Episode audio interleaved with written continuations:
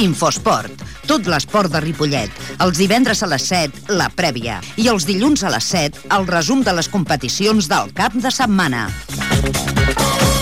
Infosport segueix tots els clubs i atletes. La informació de l'esport de Ripollet a Ripollet Ràdio, amb Ramon Argenter.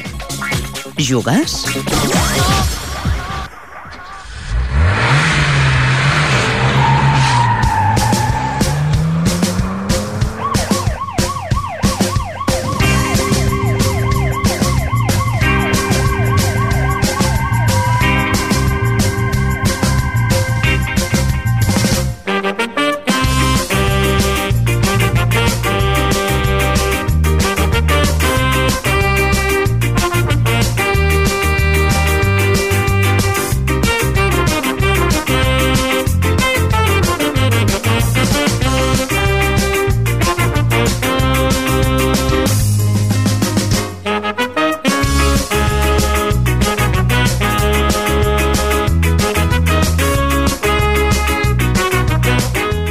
Tarda, estem a la sintonia 91.3 de l'FM, són les 7 i 5 minuts i comencem ja el programa d'Infasport, les vies de so Franyo Diu, que us parla Ramon Argenter. Tindrem avui doncs, un dia, com sempre, molt apretat. Per què? Perquè és divendres, perquè hem de parlar amb els convidats que vindran avui, que tindrem doncs, a la junta directiva de la DEFUT, que ara és Escola de Futbol Base de Ripollet.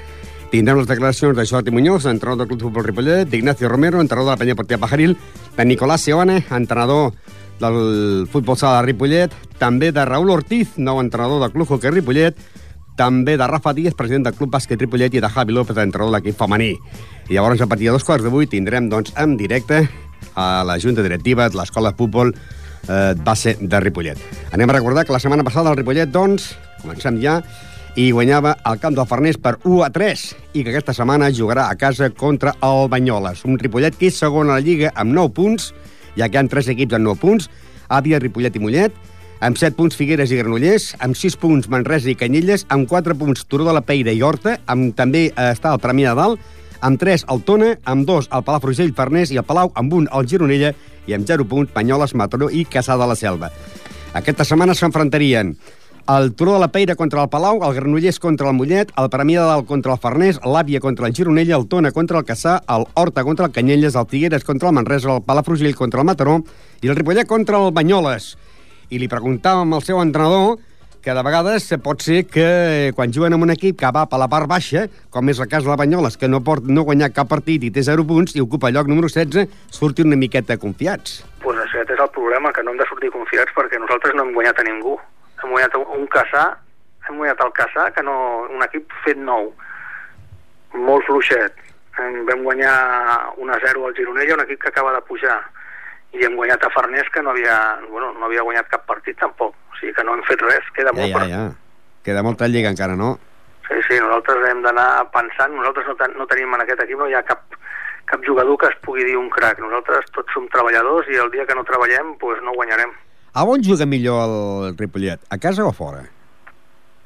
Bueno, jugar millor, pues, eh, a tot arreu es juga millor per lo que veig és a fora, perquè si mires els resultats, normalment la primera jornada em sembla que van guanyar només 3, 3 4 equips de, de, de 18 partits, dels dos grups. Vull dir que deu jugar millor fora. Jugues més tranquil, no tens tant a perdre, tens més a guanyar i, i, bueno, i depèn dels jugadors que tens. Per exemple, el Ripollet sí que penso que té un equip pues, per jugar més, més a la contra, més té molta velocitat i penso que és més fàcil jugar fora que a casa. A casa la gent també es tanca, a, els de casa volen agradar més als de ca, a, a la parròquia no? i s'obren una mica més, és diferent. A, a fora ha marcat 7 gols. Sí, sí, set, però, però també ens han fet els, els dos. Sí, bueno, ja. Home, però porteu un promís bo. Eh, 8 gols a favor, 3 en contra. Vull dir, és un bon promís, no? Sí, sí, ja, ja signaria. El que passa que ja et dic que encara ens hem enfrontat a cap equip que jo crec que han d'estar dalt, com nosaltres. Bueno, amb aquests equips que han d'estar dalt, com vosaltres, no us heu enfrontat.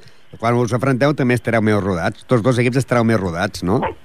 Sí, sí, però el que està clar que també que per estar on estem s'han de guanyar també els equips eh, que no compten sobre el paper, però bueno, de moment la cosa està sortint bé, però penso que queda molt i cada setmana has d'anar dia a dia perquè no, si s'ho comencen a creure, el que s'ho comenci a creure l'enviaré cap a casa.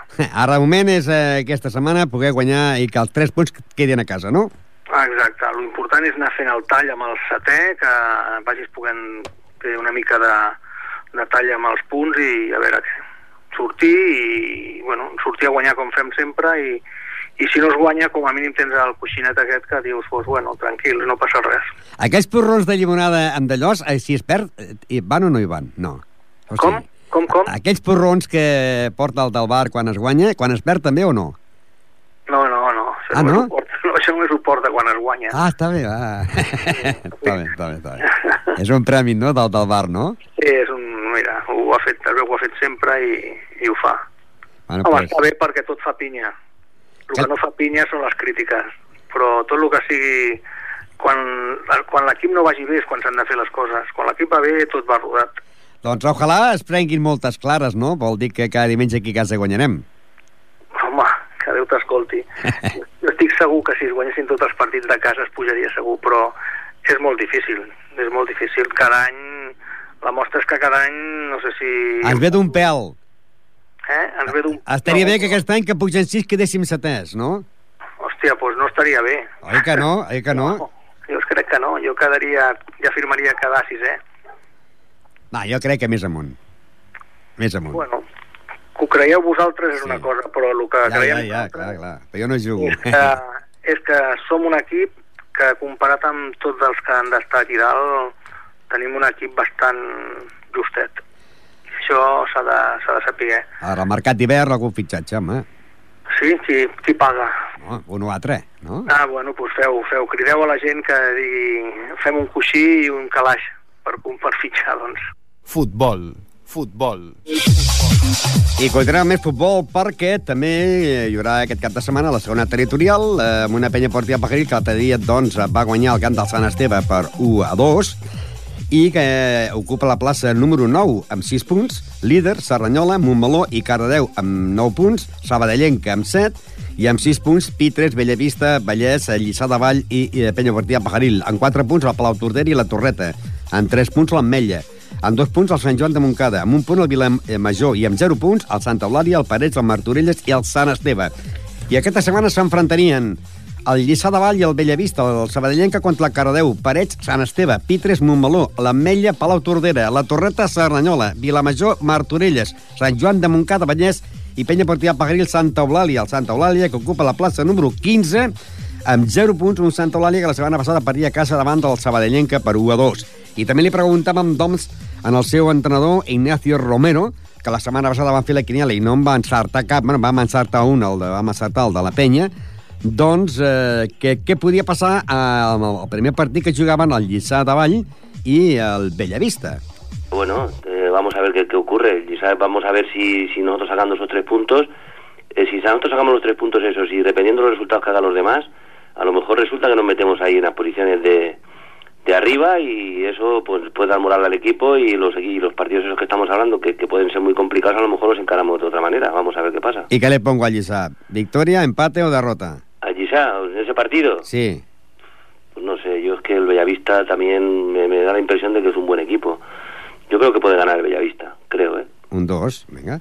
Bueno, Saba- pues creo que puede ganar el Bellavista y a nosotros no nos iría mal tampoco. Sabadellenca Cardedeu, ¿ese podría ser el partido de la jornada? Sí, ese puede ser el partido de la jornada, sí, seguramente. Yo iré a verlo si tengo, bueno, si no pasa nada, para ver qué tal equipo tiene el Carrero, porque al Sabadenca ya lo he visto.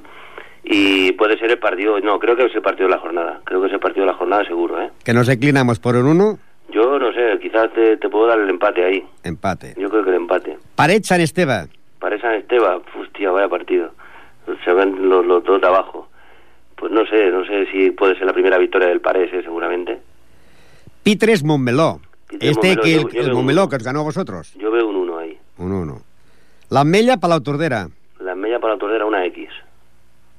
La Torreta, Sarranyola. Hay un 2. De ahí no me bajo. ¿El Sarranyola va a ser el, el equipo que va a estar sí, arriba? Sí, sí, sí, Yo lo estuve viendo ayer, ya sabía de su potencial y tenía algunas bajas importantes y sacó el partido y, y creo que va a ser un equipo que va a ser muy, muy difícil de, de- de ganar. ¿eh? Va a ser uno de los que va a estar en las posiciones de cabeza seguro, seguro toda la liga. Vilamajor, a Martorelles. Vilamajor Torella es un 1. Sant Joan de Moncada, Vallès. Hostia, San Juan de Moncada tiene que sacar ya una victoria en su campo. Le voy a dar el 1 pensando en eso, pero pero luego me puede pasar como esta semana, no acertar ninguno. y nos queda, que te lo acertaremos, ¿no? La Peña Deportiva Pajaril contra el Santo Eulalia. Esa se lo deja usted como el otro día y seguramente nos da suerte. Un 1. Vale.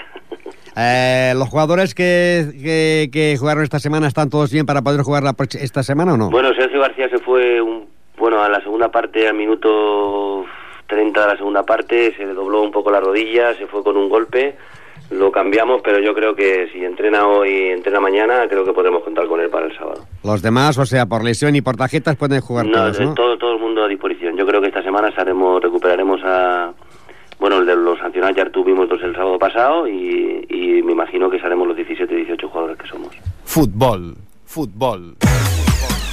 I bé, la setmana que ve comença la Lliga de Futbol Territorial, eh, grup número 15, on hi ha els dos equips de Ripollet.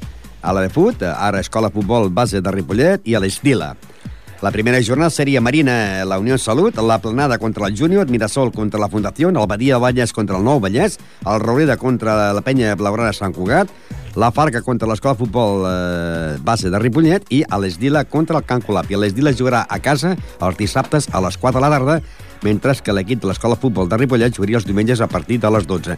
Hem de dir que el nou entrenador de l'Esdila és el senyor Rubén Marín, i que per part de l'Escola de Futbol de Sala de, de Futbol Base de Ripollet doncs continua Xesco, que és nada més nada menys que Francisco Baina. I avui tindrem aquí en directe doncs, precisament el subpresident Rafael Vázquez i tindrem la junta directiva de l'equip de l'Escola de Futbol Base de Ripollet. Ara anem al món del futbol sala.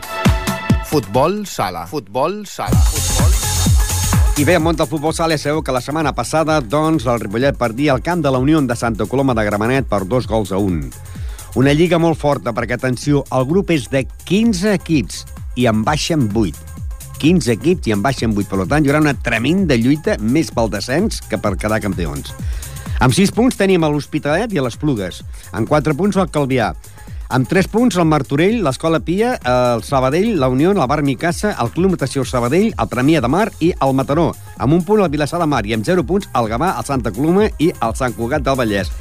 I aquesta setmana s'enfrontarien el Ripollet contra el Club Natació Sabadell, descansaria el Calvià, el Gavà contra la Unió, el Martorell contra el Bar Micassa, el Premià de Mar contra el Sant Cugat, l'Hospitalet contra les Plugues, l'Escola Pia Sabadell contra el Mataró, el Santa Coloma contra el Vilassar, descansaria el Calvià de Mallorca i el Ripollet eh, contra el Club Natació Sabadell. Dir, dir que aquesta setmana també comença la Lliga de la categoria preferent.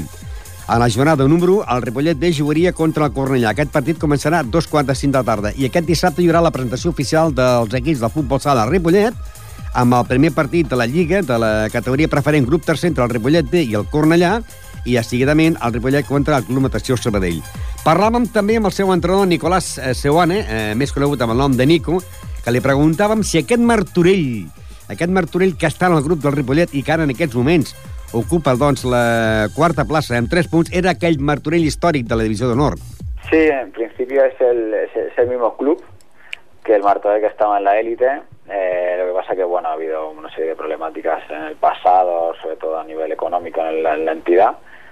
Y bueno, no, no, es muy indicativo. La verdad es que quedaron 9-4, pero ya con, con el portero jugador, el cual ya el partido se rompe totalmente. Y bueno, no es muy significativo yo creo que las fuerzas estarán equilibradas una vez más, al menos de momento, y bueno, veremos a ver si podemos ganar en casa, que es el objetivo. Uh, ¿Lo has visto ya el Sabadell? ¿Conoces uh, ese equipo? Bueno, conozco un poco el equipo, no los he visto jugar este año, pero sí los conozco un poco. Es un equipo recién ascendido de la Nacional B.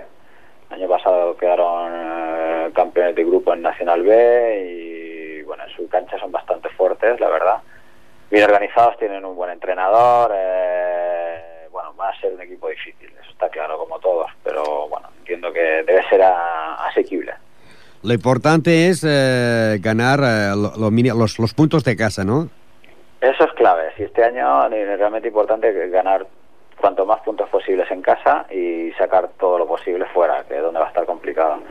Pero bueno, eh, cada partido es diferente, es un mundo y puede haber jornadas en las cuales podemos ganar fácil en casa o, en, o por lo menos de una manera asequible y luego fuera pues también, ¿no? O al revés. Todo dependerá. Yo por lo que tengo previsto en el calendario, en la primera vuelta lo fuerte está fuera de casa, afortunadamente. O sea que tenéis eh, un buen calendario. En casa sí, la primera vuelta.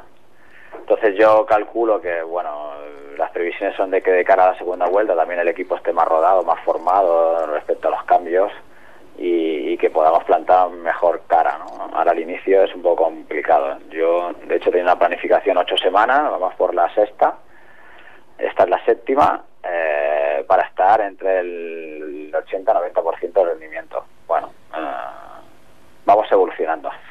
¿Y para este sábado tendrás la plantilla completa o tienes bajas de lesión? Principio seguimos teniendo bajas, dos, dos importantes, tanto la de David Bustamante como la de David Franco, eh, puesto que son dos jugadores que deben rendir bien arriba y hoy por hoy lo que nos falta es un poquito eso, ¿no? la finalización, el, poder finalizar y, marcar más goles. En defensa creo que estamos bastante bien. Eh, es lo que principal hemos estado trabajando durante la pretemporada, por lo tanto queda un poco acabar de definir. David Franco, que por motivos de trabajo el año pasado dejó el Ripollet, se fue a jugar fuera y que este año ha vuelto, ¿no? Efectivamente, es uno de los fichajes. Eh, Realmente es una recuperación. ¿no? Fichaje estrella, pero barato, Ana. Ni cinco, ¿eh, ¿no? Sí, la, De la coste cero. Exactamente, De la coste. recuperación de, de- de- de un jugador que ya había participado en el club, eh, ya había pertenecido a la entidad y que, bueno, afortunadamente lo tenemos otra vez. La desgracia es que de momento no puede participar, pues, tiene tiene una lesión y, y debemos tener paciencia. Eh, y esta semana también eh, empieza el B. ¿Va bien que el B juegue eh, antes que vosotros por si puedes coger algún jugador? Sí, eso en principio no, no, no es un problema, ¿no? Tanto del B como del juvenil tendríamos la posibilidad de coger algún jugador si fuese necesario. Eh, nosotros tenemos que presentar una lista previa a la federación y en función de eso, pues el jueves, eh, que es el último día de entreno normalmente, decidiríamos quién participaría con nosotros. No es una problemática, el objetivo del club es formar jugadores y cuanto antes den el salto al primer equipo, pues mucho mejor. Hockey. Hockey. Hockey. I també la setmana passada va començar la Lliga de Hockey amb una victòria al Club Hockey Ripollet a la pista del Masies Voltregà per 4-5 amb dos gols de Gerard Aran, eh, un de Josep Maria Garcia, un de Cesc i un d'Albert Garcia. Líder és la primera jornada amb 3 punts, doncs, eh, el Congrés, el Riu de Villes, el Cornellà, el Vilassar de Mar, el Corbera i el Ripollet.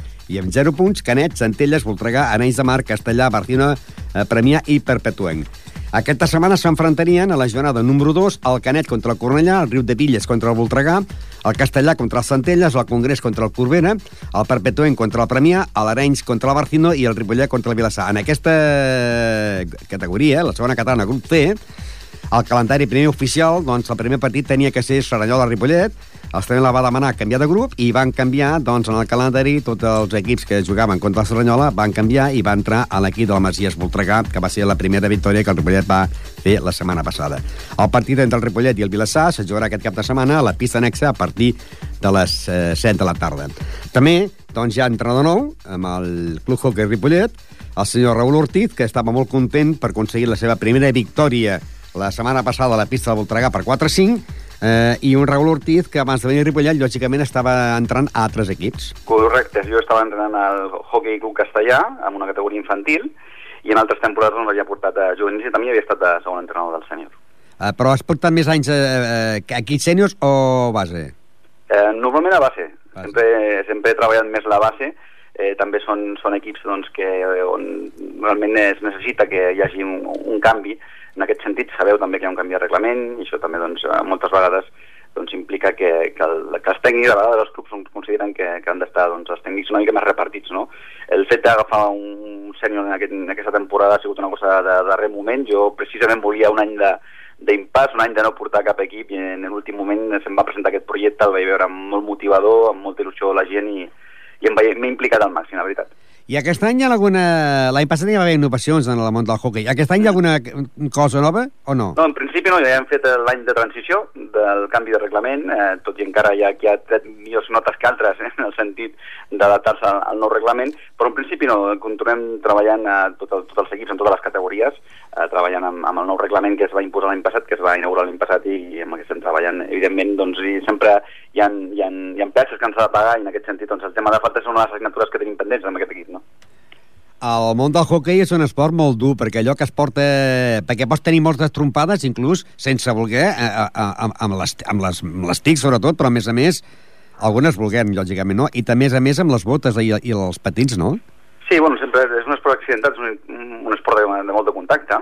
Eh, el que pretenia una mica el nou reglament era precisament doncs, delimitar això, s'abusava abans molt de la falta per intentar interrompre el, el, el transcurs del partit i sobretot trencar una mica el ritme del contrari, i ara doncs, amb el nou reglament doncs, estem penalitzats amb les faltes tècniques. El que passa és que bueno, això al final acaba sent doncs, eh, un, un judici per part de, de l'àrbitre, que és el que decideix qui és l'equip que sí que fa faltes i qui és el que no. Jo, en aquest sentit, eh, dels àrbitres eh, sempre tenim tots els entrenadors queixes, però en aquest sentit eh, he de dir que, que estava molt descompensat el nombre de faltes que tenia el Macias amb els que teníem, les que teníem nosaltres, quan faltes tots dos equips van fer, no? Jo no vull dir que nosaltres no en féssim, però al contrari també en va fer, no?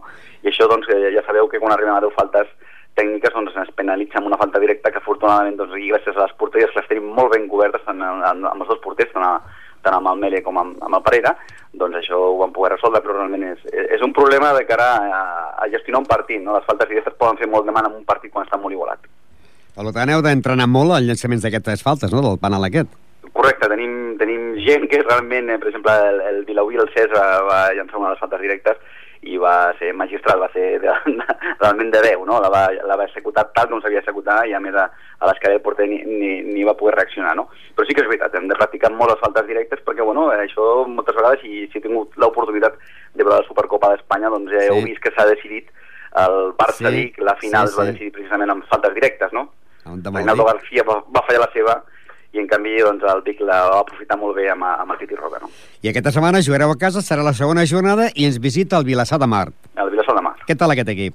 Doncs vaig tenir l'oportunitat per casualitat de veure en pretemporada un partit a Vilaseca entre el Vilaseca i el Vilassar i el vaig veure un equip jove també, mm, potser encara diria que una mitja edat una mica més baixa que la nostra, però que li posen molt de coratge. Eh? He de dir que no serà tampoc un equip fàcil, eh, ells també han guanyat aquest, aquesta passada jornada, han inaugurat la, la classificació també tenint una victòria, i serà un partit, doncs, jo crec que, doncs, bueno, que ens agradaria dedicar-li a la ficció, doncs, tothom que vingui al pavelló, al Joan Creus, doncs, que pugui doncs, gaudir d'una jornada de hockey maca, bonica, i sobretot ens agradaria tornar a tenir una altra victòria per tornar a sumar tres punts. Doncs moltes gràcies, Raül, i el proper dissabte ens veurem i ens coneixerem, perquè ens sentim per la veu però no ens coneixem. és veritat. Tenis taula, tenis taula, tenis taula. Tenis... Doncs bé, aquest cap de setmana comença ja les Lligues Nacionals de Tenis Taula amb el Club Tenis Taula de Ripollet amb tres representants a les diferents divisions. Començarà la Lliga de la Divisió d'Honor Femenina amb un partit entre el Finca Ripollet i l'Avilés d'Astúries. L'altra jornada seria el Helios de Saragossa contra el Caja Astúries de León i a l'Avilés d'Astúries jugaria el dissabte a les 8 de la tarda contra el Finca Ripollet i el diumenge jugaria contra el Falcons de Sabadell. I descansarien el Bàscara de Girona, el Calella, l'Arteal de Santiago de Compostela, el Santa Eulària d'Eivissa, el Calella i l'Atlètic de Sant Sebastià. I també comença la Lliga, encara que té descans pel Finca Ripollet, eh, l'equip de Primera Nacional Femenina. Per què? Perquè el calendari es confecciona per desplaçaments i s'enfrontarien el Balaguer contra l'Escul de Saragossa, a l'Ateneu de Sant Joan d'Espí contra el Bàscara de Girona i el Calella contra el Caçà de la Selva. I descansarien, doncs, el CAI de Santiago, de Saragossa i el Finca Ripollet. El Ripollet jugaria a casa el primer partit el dia 23 d'aquest mes a partir de les eh, 5 de la tarda contra el Caçà de la Selva. Eh, T'hem de dir que el Club Tenis Taula Finca Ripollet, l'equip de la divisió d'honor masculina i femenina, jugarà en el gimnàs del poliesportiu, mentre que l'equip de la Primera Nacional, eh, que també comença la Lliga eh, aquesta setmana i ho fa contra el Sallent, jugaria el dissabte a partir de les 5 de la tarda en el, en el gimnàs de l'Escola Montserrat de eh, Serranyola. S'enfrontarien el Vilanova i l'Olot, el Palma de Mallorca contra el Sant Poble de Mallorca i el Sant Cugat del Vallès contra el Igualada i el Ripollet de Verdolai a partir de les 5 de la tarda contra el Sallent. I també començarien ja les diferents lligues provincials i la tercera divisió nacional del món del tenis taula, que presenta un total de 10 equips a la competició de la temporada 2010-2011. Bàsquet. Bàsquet. Anem a recordar, doncs, que el Club Bàsquet Ripollet aquesta setmana juga el dissabte a partir de les 7 de la tarda contra les Fèries de Terrassa. Fèries de Terrassa i Ripollet. Després, la setmana passada, perdés a casa davant del Sant Boi per 62 a 89. Anem a recordar les paraules que manteníem amb el seu president, Rafa Díaz. Molt il·lusionant, sobretot amb l'equip aquest tan jove que tenim, que, que poquet, poquet a poquet van, van encaixant les peces i, i creiem que, que es faran divertir, faran disfrutar aquesta temporada, aquest, aquest equip tan jove. Al principi es corrien els, els rumors de que el Ripollet de tercera categoria baixava, baixava la, tercera, a la territorial, però que el Ripollet comprava, no sé si és correcte o no, comprava el- els drets de tercera en el Gasó per vendre'ls al Montgat, llavors també al primer equip, o com està tot això? No, no, la nostra intenció sempre va ser intentar jugar a tercera amb el sènior B i a Copa amb el sènior A, però la situació esportiva, més que res qüestió de jugadors, i després va sortir la situació econòmica, es va fer desistir d'aquest tema, llavors van intentar eh, jugar, cedir la plaça, cedir la plaça al Montgat, la plaça de Copa, i intentar jugar en Copa i a, perdó, a primera catalana i, a, i intentar jugar també a tercera. Però aquí se va ser ja falta de jugadors quan al final pues, van decidir no fer un, un sènior B i continuar amb el que tenim, que és el que tenim. De fet, n'hi ha jugadors que podien estar al sènior B, però hem tingut que, que agafar-los i, i ficar-los al sènior al sènior A per falta de jugadors. El sènior B és per falta de jugadors. I ara l'equip del sènior A, que serà el representatiu, es jugarà a la primera categoria, no? Correcte, està a primera, a primera catalana. Quins jugadors eh, jugaran? Pues, eh, de la casa, per dir-lo, està Manel, Manel que continua ja dels, del, del sènior A de l'any passat, pugen eh, el Víctor Díaz, puja el Sergi Marín, el Piñero, eh, que no se m'oblida ningú, i després n'hi ha jugadors de fora Sí, que jugadors està, del Ripollet que estaven de Ripollet que estaven, inferiors. correcte, han pujat aquests eh, jugadors que, que venen de fora, el Miki, el Mas, el Marc Zaragoza, el Didac, un equip bastant jove, bastant jove i jo crec que precisament això és lo bonic d'aquest equip, perquè conjuga una miqueta de, de, de, de, de joventut, després tenim a dos jugadors ja veteranos, l'Alberto i el David, que aquests a la seva Igualada, experiència, i David Igualada, sí, que aquesta, la seva experiència ja de, de, de, de lluitadors de, del bàsquet que han jugat ja molt, le faran, faran una bona, una bona feina per, per als jovenets, per als jovenets aquests. La nova Junta Directiva vol, vol intentar recuperar jugadors del Ripollet que estan escampats per ahí perquè tornin al club? L'ho han intentat, l'ho han intentat des del mes de juny, quan, inclús abans, el mes de maig, van intentar recuperar, trucar, de fet, déu nhi la, els diners que s'han gastat en telèfons per, per trucar. Bueno, nosaltres creiem que el que hem, per nostra part, la Junta, que n'hi ha actualment, ha fet tot el possible, més de lo possible, i el que tenim és el que tenim, juguem a lo que juguem i estem molt orgullosos de la gent que tenim i estem molt contents de la gent que tenim. Eh, de quants equips eh, disposa ara l'entitat? Sis. Sis, un cadet femení, Pocs o molts? pocs, pocs, per lo que abans tenia el Ripollet, pocs. Mm, Un equip, un cadet femení, dos júniors, dos sub-21 i un, eh, i un sènior A. I suposo que la intenció, com a mínim, és intentar doncs, aquest equip aguantar la categoria, no? El primer equip. Sí, sí, sí. Aquest equip té, té capacitat per aguantar la categoria molt tranquil·lament, sí, sí, sí, sí. I jo crec que falta, és això, falta conjuntar peces i jugar. S'ha de tenir en compte de que no han jugat mai junts. Porten des, del, des de l'última setmana de l'agost que estan entrenant junts i gairebé no, no, no, es, no es coneixien, excepte que els quatre jugadors, que tres jugadors del, de l'antic sènior B i el Manel, són la resta no, no, no es coneixia i s'han de conjuntar, s'han de, de conèixer. L'entrenador és nou, l'entrenador que per cert molt contents amb l'entrenador per la feina que està fent. Sí, sí. Què demanaries als socis i a la gent de Ripollet amb el bàsquet? Comprensió. Comprensió perquè és una etapa nova. Un company de la Junta lo comentava, era una refundar. Jo no, no és tan refundar, sinó a vegades sembla que, que estem fundant. Refundar el club, hem de donar un pas enrere, s'ha de comprendre la situació econòmica, sobretot, i, i comprensió. Comprendre que la situació és la que n'hi ha, que el que tenim és el que tenim, i, i, i recolzament, recolzament, sobretot recolzament, que necessitem aquest recolzament perquè sobretot els jugadors se sentin, se sentin acompanyats. I si no hi ha res de nou, tots els partits del primer equip serien el diumenge aquí a casa a les 7 de la tarda, no? Correcte, correcte. Em sembla, no, no, no crec que canvien de- d'horari i seran aquests, sí. Bàsquet. Bàsquet. Bàsquet.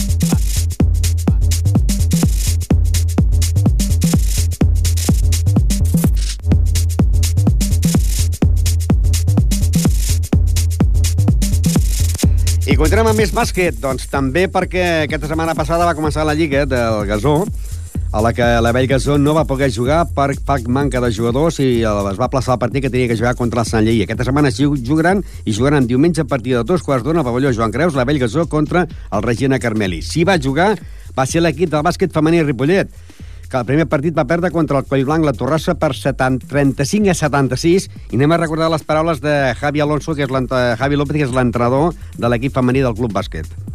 Bueno, aquesta temporada canviem de lliga, passem a tercera A. Això significa que trobarem equips amb eh, jovenetes, de, típics júniors de clubs importants, que a primer any de, de sènior li posen en una categoria una miqueta inferior per anar foguejant-se. Doncs. Imagino trobar-me equips joves, com aquest de Club Blanc Torrassa que toca avui, de clubs importants, i bueno, sigui com sigui, bàsquet 5 contra 5 i, i Hi ha cares noves o no? com cada temporada sempre hi ha canvis. Aquest any hem tingut la baixa de, de Merche i Vanessa i Montse que se'n van a, a Estats Units i tenim la- l'entrada a l'equip de, de Fina i de Raquel, dos antigues jugadores del club des de fa temps i bueno, sempre és una miqueta bé anar reciclant i anar tenint cares noves. Tens alguna referència dels equips? Eh, els coneixes per noms, però els has vist jugar? Eh, veure jugar no.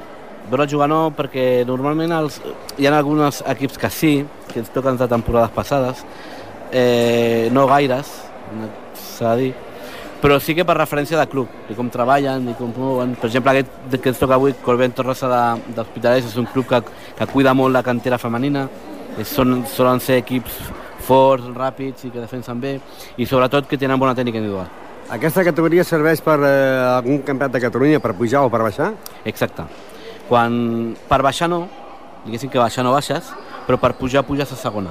Sí, sí que és, sempre que quedes campió vas directe. Segons també, ja sabem, categories més altes com veiem baixant, no?, els equips. Eh, quants pujarien? La diferència la, és, depèn de, de Liga Femenina 2 i, i Primera Catalana. Segons els equips que pugin cap a dalt, és això el que tu pots pujar cap a dalt de, com a equips.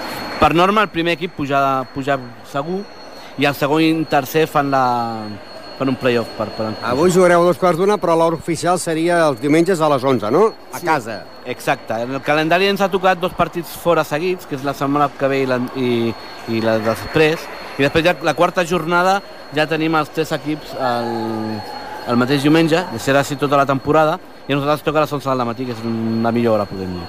I la setmana que ve, doncs, aneu hi ha un desplaçament una miqueta llarguet, a Esparreguera.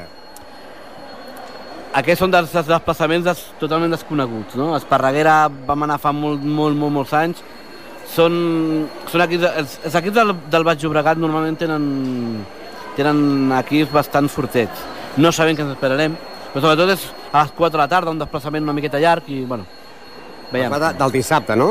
Dissabte a les 4 de la tarda ens ha canviat, era 5 i mig, ens ha canviat a les 4 de la tarda. Jo vaig estar veient el calendari i, i clar, no hi ha cap hora oficial, no? Cada, cada equip a casa té la, per circumstàncies potser del pavelló perquè l'ocupen altres equips, doncs els horaris són molt, molt diferents, no? Sí, això normalment sempre agafen els, normalment els que poden. Sent femení més encara. Agafen l'horari que poden, no? És com sempre molt, molt, molt dividit. Normalment aquesta temporada tenim menys dissabte a la tarda, tenim bastant més diumenges tarda i diumenge al matí. Nosaltres sempre ens va millor. Va, començarem la Lliga, estem ara fent el preclantament, doncs esperem que tingueu sort i també que aconseguiu els punts avui i els punts la setmana que ve a el primer desplaçament. Gràcies. Serà important, com sempre, el més important és que s'ho passin bé, que facin esport i després que les victòries vagin venint amb necessitats. Eh? Sempre és necessari no passar-se tres partits sense guanyar, perquè poden començar problemes i... Bueno. Veiem, veurem com, com va avui.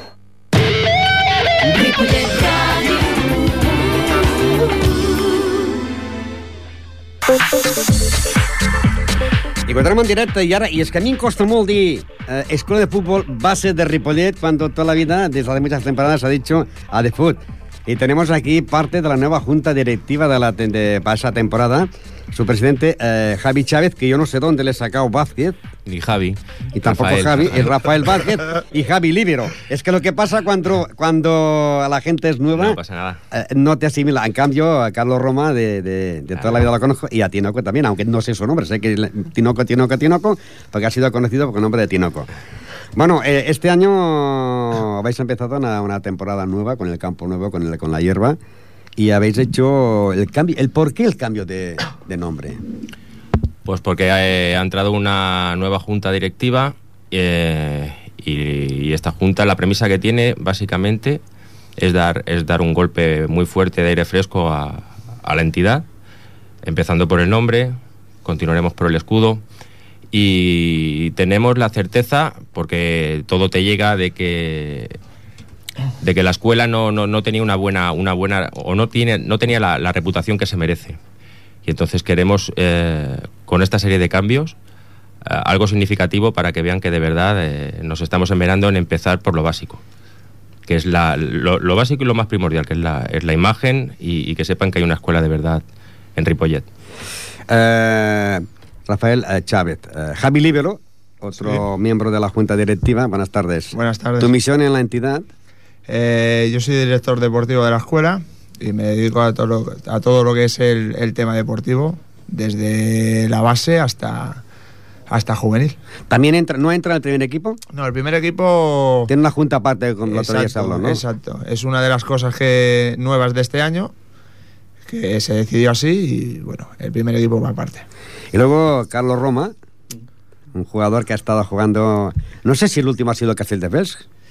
No, estuve jugando medio año. Acércate un poco más al micro. Estuve jugando medio año en el Mollet y porque tenía amistad con Antonio Vargas y estaba allí de entrenador y después acabé en el Marianao Poblet, que estaba en primera catalana y ahí ya lo dejé. Lo dejaste. ¿Y ahora en la escuela qué haces?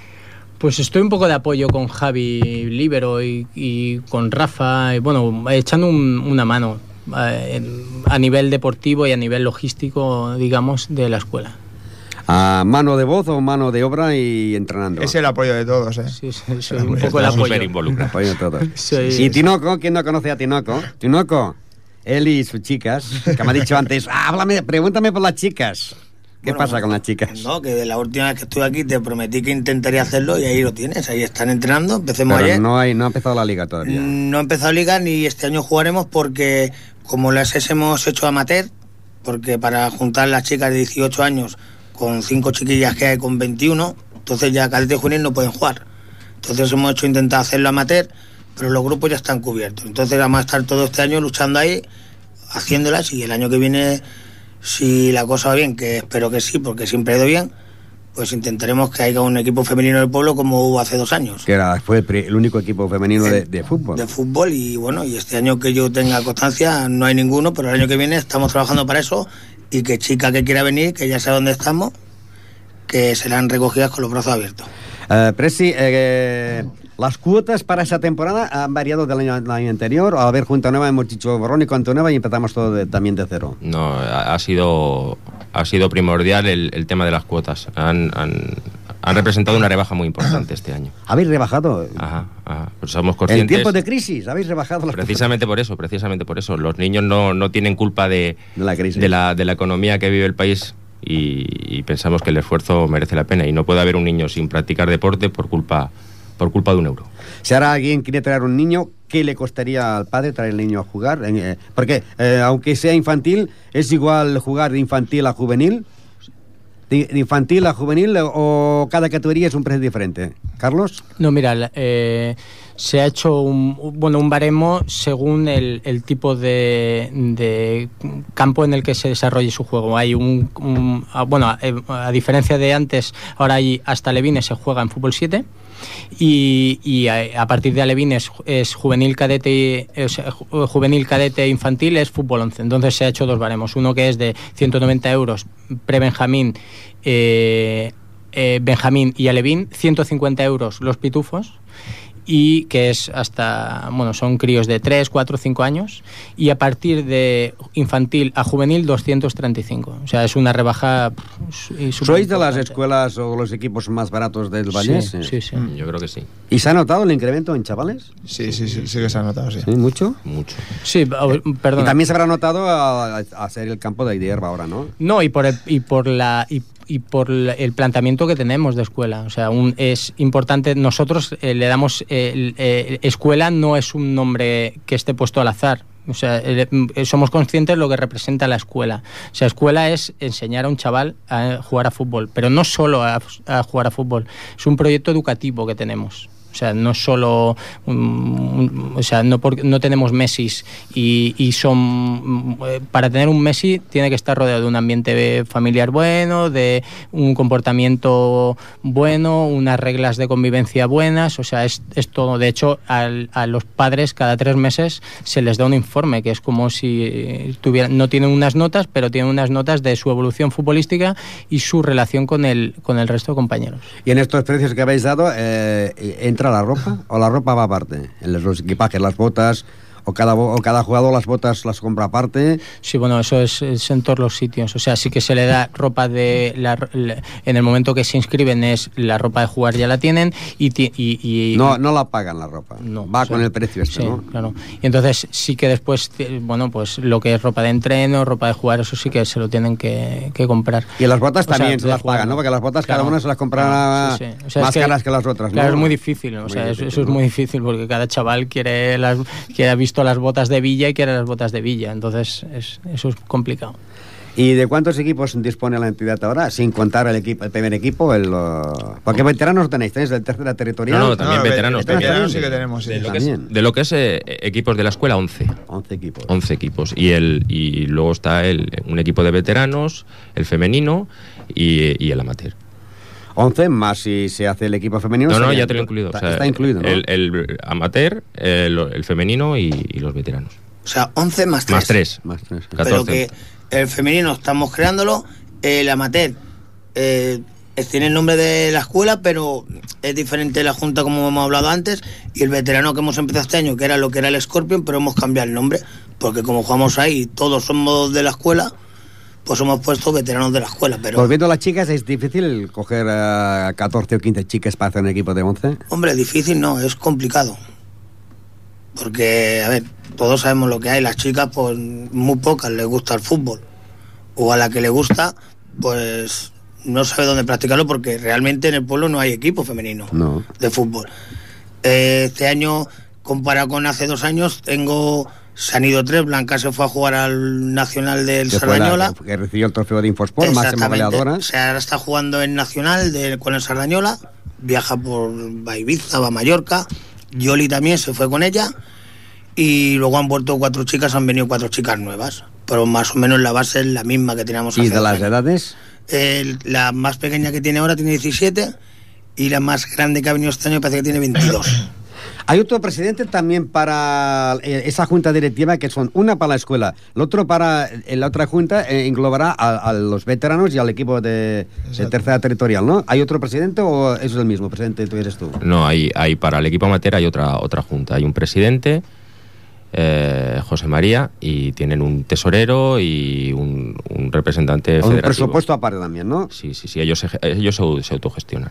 Pero todos, digásemos, es Pero la- evidentemente las la- instalaciones, es- todo nuestro apoyo lo tienen, o sea, es simplemente un desvinculamiento económico, porque era primordial que, que el dinero que genera el fútbol base sea para el fútbol base y, y el amateur se autofinancia. Porque es claro, el presupuesto de los niños es un puesto también caro, ¿no? Porque Claro, por los eso- por- desplazamientos, eh, los árbitros, todos los árbitros, ¿no? Eh, El problema de los árbitros es caro. Como cada año, el arbitraje y las fichas y todo esto tiene, tiene un estándar de precio, pero claro, hay que, hay que asumirlo. Y entonces si tú tienes que, que absorber el presupuesto de un primer equipo y quieres rebajar las cuotas para el fútbol base, es inviable. Y luego la entidad coge socios que, que sean socios de la entidad sin tener ningún crío jugando. Pues, ¿No se puede hacer o sí? El, el único equipo que ha hecho socios hasta ahora ha sido el amateur, que tiene su carnet de socio o carnet de simpatizante. Porque ¿Alguien se puede hacer socio de la entidad sin tener que el crío para llevar a jugar? No, porque eh, realmente en lo que es la, la escuela Eh, nos lo estamos planteando, mm, de, no socios, digámoslo así, socio simpatizantes, colaborador, o socio simpatizante. simpatizante, por decirlo así. Pero bueno, mm, lo estamos pensando, porque hasta ahora no tenemos nada pensado, o sea, no es decir tenemos 150 socios, no, tenemos 150 padres, que son como si fueran 150 socios, pero no tienen el carnet. el padre no es socio. No, no, no, nos obliga a eso. Es lo que decía Rafa, estamos en tiempo de crisis y hay que amoldarse a lo que hay. Y el, presupuesto debe ser elevado, ¿no? Por eso, eh, aunque con tantos equipos también, parece que no, los gastos, no hay que pagar nada de campo, pero sí los gastos de ropa, de, de material, los críos, los desplazamientos, Para los eso, árbitros. para eso tenemos el departamento de marketing, que es el que se encarga de estrujarse el cerebro para, para sacar dinero de, de las piedras. para sacar dinero de las piedras. Y hablando de publicidad, eh, las, eh, las vallas publicitarias que hay, eh, ¿a quién, per- a quién pertenece? ¿A la Peña Partida Pajaril, a la Esdila, a, a la de Foot, a, a la Escuela de Bueno, Fútbol? hay- cada entidad tiene su zona. Por ejemplo, eh, la zona de entrar al campo, que es toda la valla grande, que es la avenida San Andrés, la Rambla San Andrés, esa pertenece al pajaril. O sea, todo lo que se pone en aquella pared eh, lo explota, digamos, el pajaril. Y lo que es el contorno del campo lo explotamos la escuela.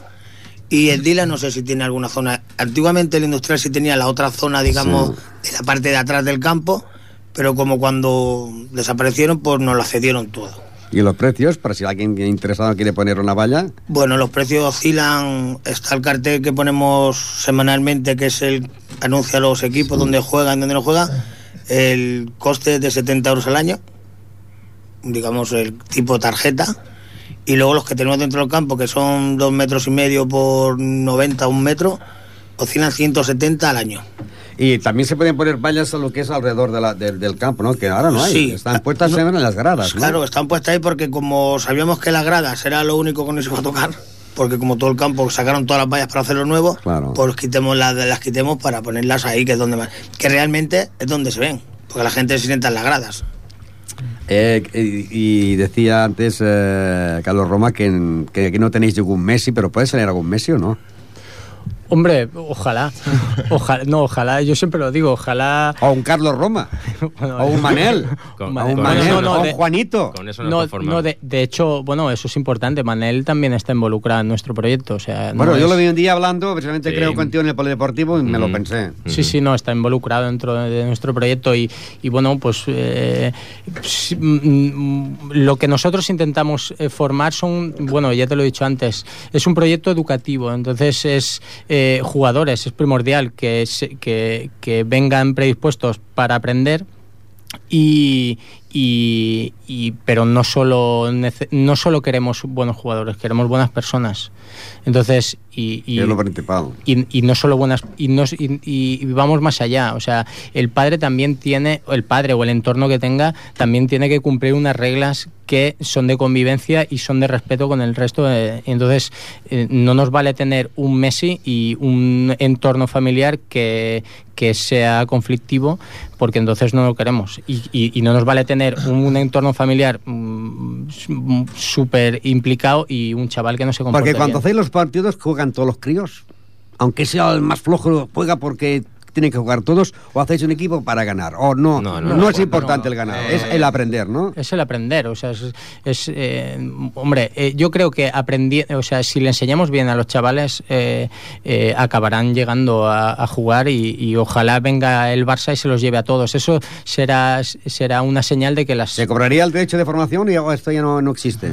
Hombre, a partir de ahora, mm, mm, hasta ahora yo no sé lo que cómo funcionaba, pero bueno, todo eso se tiene que mirar. Tampoco podemos tirar por tierra toda la labor que han hecho las anteriores juntas, porque también eh, si, si el si el club está donde está es porque alguien hasta Sí, sí, alguien viene detrás. Entonces, entonces nuestra a partir de ahora mm, sí que nosotros toda la junta directiva que formamos somos 14 eh, sí que tenemos bien claro lo que queremos lo- cómo lo queremos hacer dónde queremos llegar y, y- y- y sobre todo lo que no queremos y lo que no queremos está muy claro. Entonces, las cosas que tenemos claras es esto, que sí, que si, si viene mañana el español y se lleva un chaval, pues... mm, o sea, Hombre, eso es un orgullo para la es un orgullo, y, y- pero todo se tiene que hablar en este eh, derechos formativos.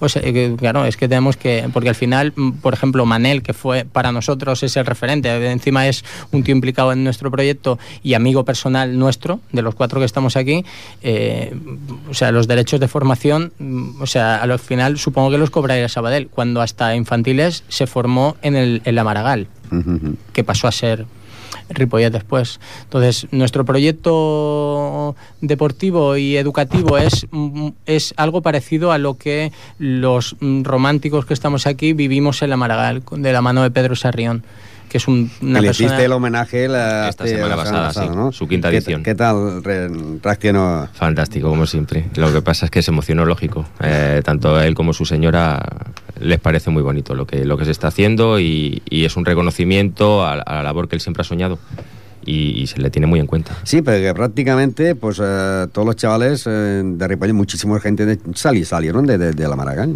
de la escuela, Bueno. del campo que estaba donde está el colegio Ginesta. Exacto. Estaba allí el No, campo. no, no, no, el campo del Maragall Sí, pero- primero estuvo en los pisos colorados. Sí, luego se fue. Andar hasta el Consum. Sí, sí, luego, Luego se fue. ¿Qué se hizo? Que lo hicieron ellos, entonces yo me acuerdo. Eso es, es- pues es parecido a, a lo que se vivió allí. Entonces es una historia de colaboración de los padres que se vivió entonces, o sea que vivimos Manolo y yo y Sí, sí, Javi, sí. y Rafa porque no estaba, pero pero bueno es lo que vivimos allí. Entonces un- eh, claro había un había un, un, una- un régimen interno de comportamiento tanto de los padres como de los mm, chavales y de todo y, y entonces claro o sea eso es es eh, somos un poco re- románticos en ese sentido. Entonces, Volviendo a, a los equipos, por ejemplo, si alguien quiere ver cómo juegan los críos, eh, ¿qué horarios tenéis para no, no los entrenamientos, sino para ver los partidos ya, eh, los oficiales? Porque ahora estáis ya en plena liga, ¿no? Pues a partir de. En casa a partir de, de las 10 de la mañana, eh, un sábado, hasta las 4 o las 5 de la tarde. ¿Cuántos partidos se pueden ver? Eh, depende, depende si te toca en casa y tal, pero por ejemplo, mañana tenemos, desde las 10 tenemos ya desde Alevines, pre-Benjamín, infantil, y luego por la tarde nos juega el juvenil un amistoso.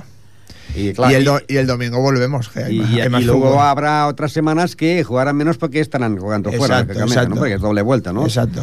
Y el y de, de entrada no se paga, ¿no? Siempre ponéis la voluntad aquella que a veces la voluntad y poca voluntad, ¿no? Exacto, solo, solo la voluntad y. Los de y- siempre, la y voluntad los de siempre. La voluntad los de Y siempre. el sorteo del jamón, ¿no? Sí. Clásico sorteo del jamón. No, no, que ahora regalamos dos botellas de vino y un salchichón. Un salchichón. Que ya el jamón se está pasando. Pero bueno, eh, el sábado pasado quien se acercó al campo, a nuestro campo, vio un ambiente increíble que hacía tiempo que no se veía.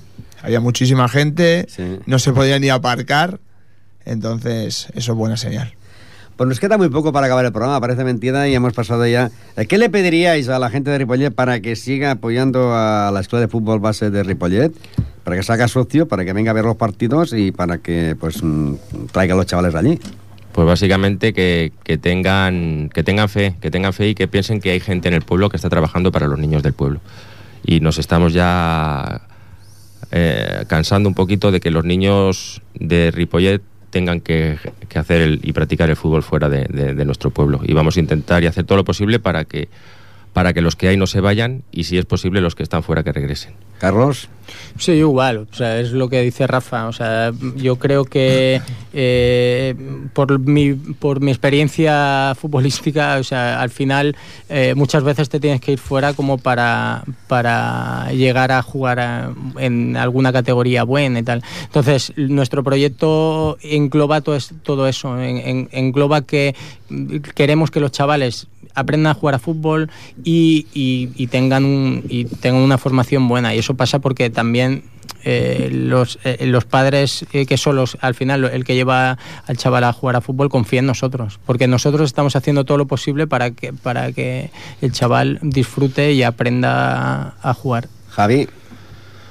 Pues nada, que tengan paciencia, lo que ha dicho Rafa, que, que ahora estamos sembra- eh, sembrando para recoger y simplemente eso, que tengan mucha paciencia porque esto acaba de empezar. Tinoco. Yo Ya siempre, está con las yo- niñas. Yo siempre con lo mío, yo siempre lo mismo. El que quiera ya sabe que allí estamos, que yo como director de publicidad, el que quiera dar su nombre a conocer, que lo dé, que allí estamos para poner nombre anda haga falta. Y para terminar, pues el pressing. Pues nada, yo quería aprovechar antes de, de despedirnos. Queríamos hacer un reconocimiento público a uno de nuestros jugadores de la Levin, a, a Paul Frechoso, que por unos problemas cardíacos esta temporada no nos puede acompañar. eh, que reciba todo nuestro apoyo, toda nuestra fuerza y que lo esperamos el año que viene. Y un abrazo muy fuerte de toda la escuela y de eso, todos unidos. eso quiere decir que puede seguir, ¿no? Ahora accidentalmente no, pero Ahora, seguir. esto es un pequeño bachecito que, que- que estamos seguros de que, de que lo, va, lo va a superar y, y ahí estaremos esperándole. Pues mucha suerte, muchas gracias. Gracias por estar aquí y el próximo día di- diremos que tendremos la junta directiva de Club Hockey Ripollet y que también tendremos la nueva junta de la Escuela de Fútbol, pero para hablar del equipo de tercera territorial que juegan ya esta semana. Estupendo. Bueno, la próxima semana. Sí. Gracias y buenas tardes. Buenas tardes.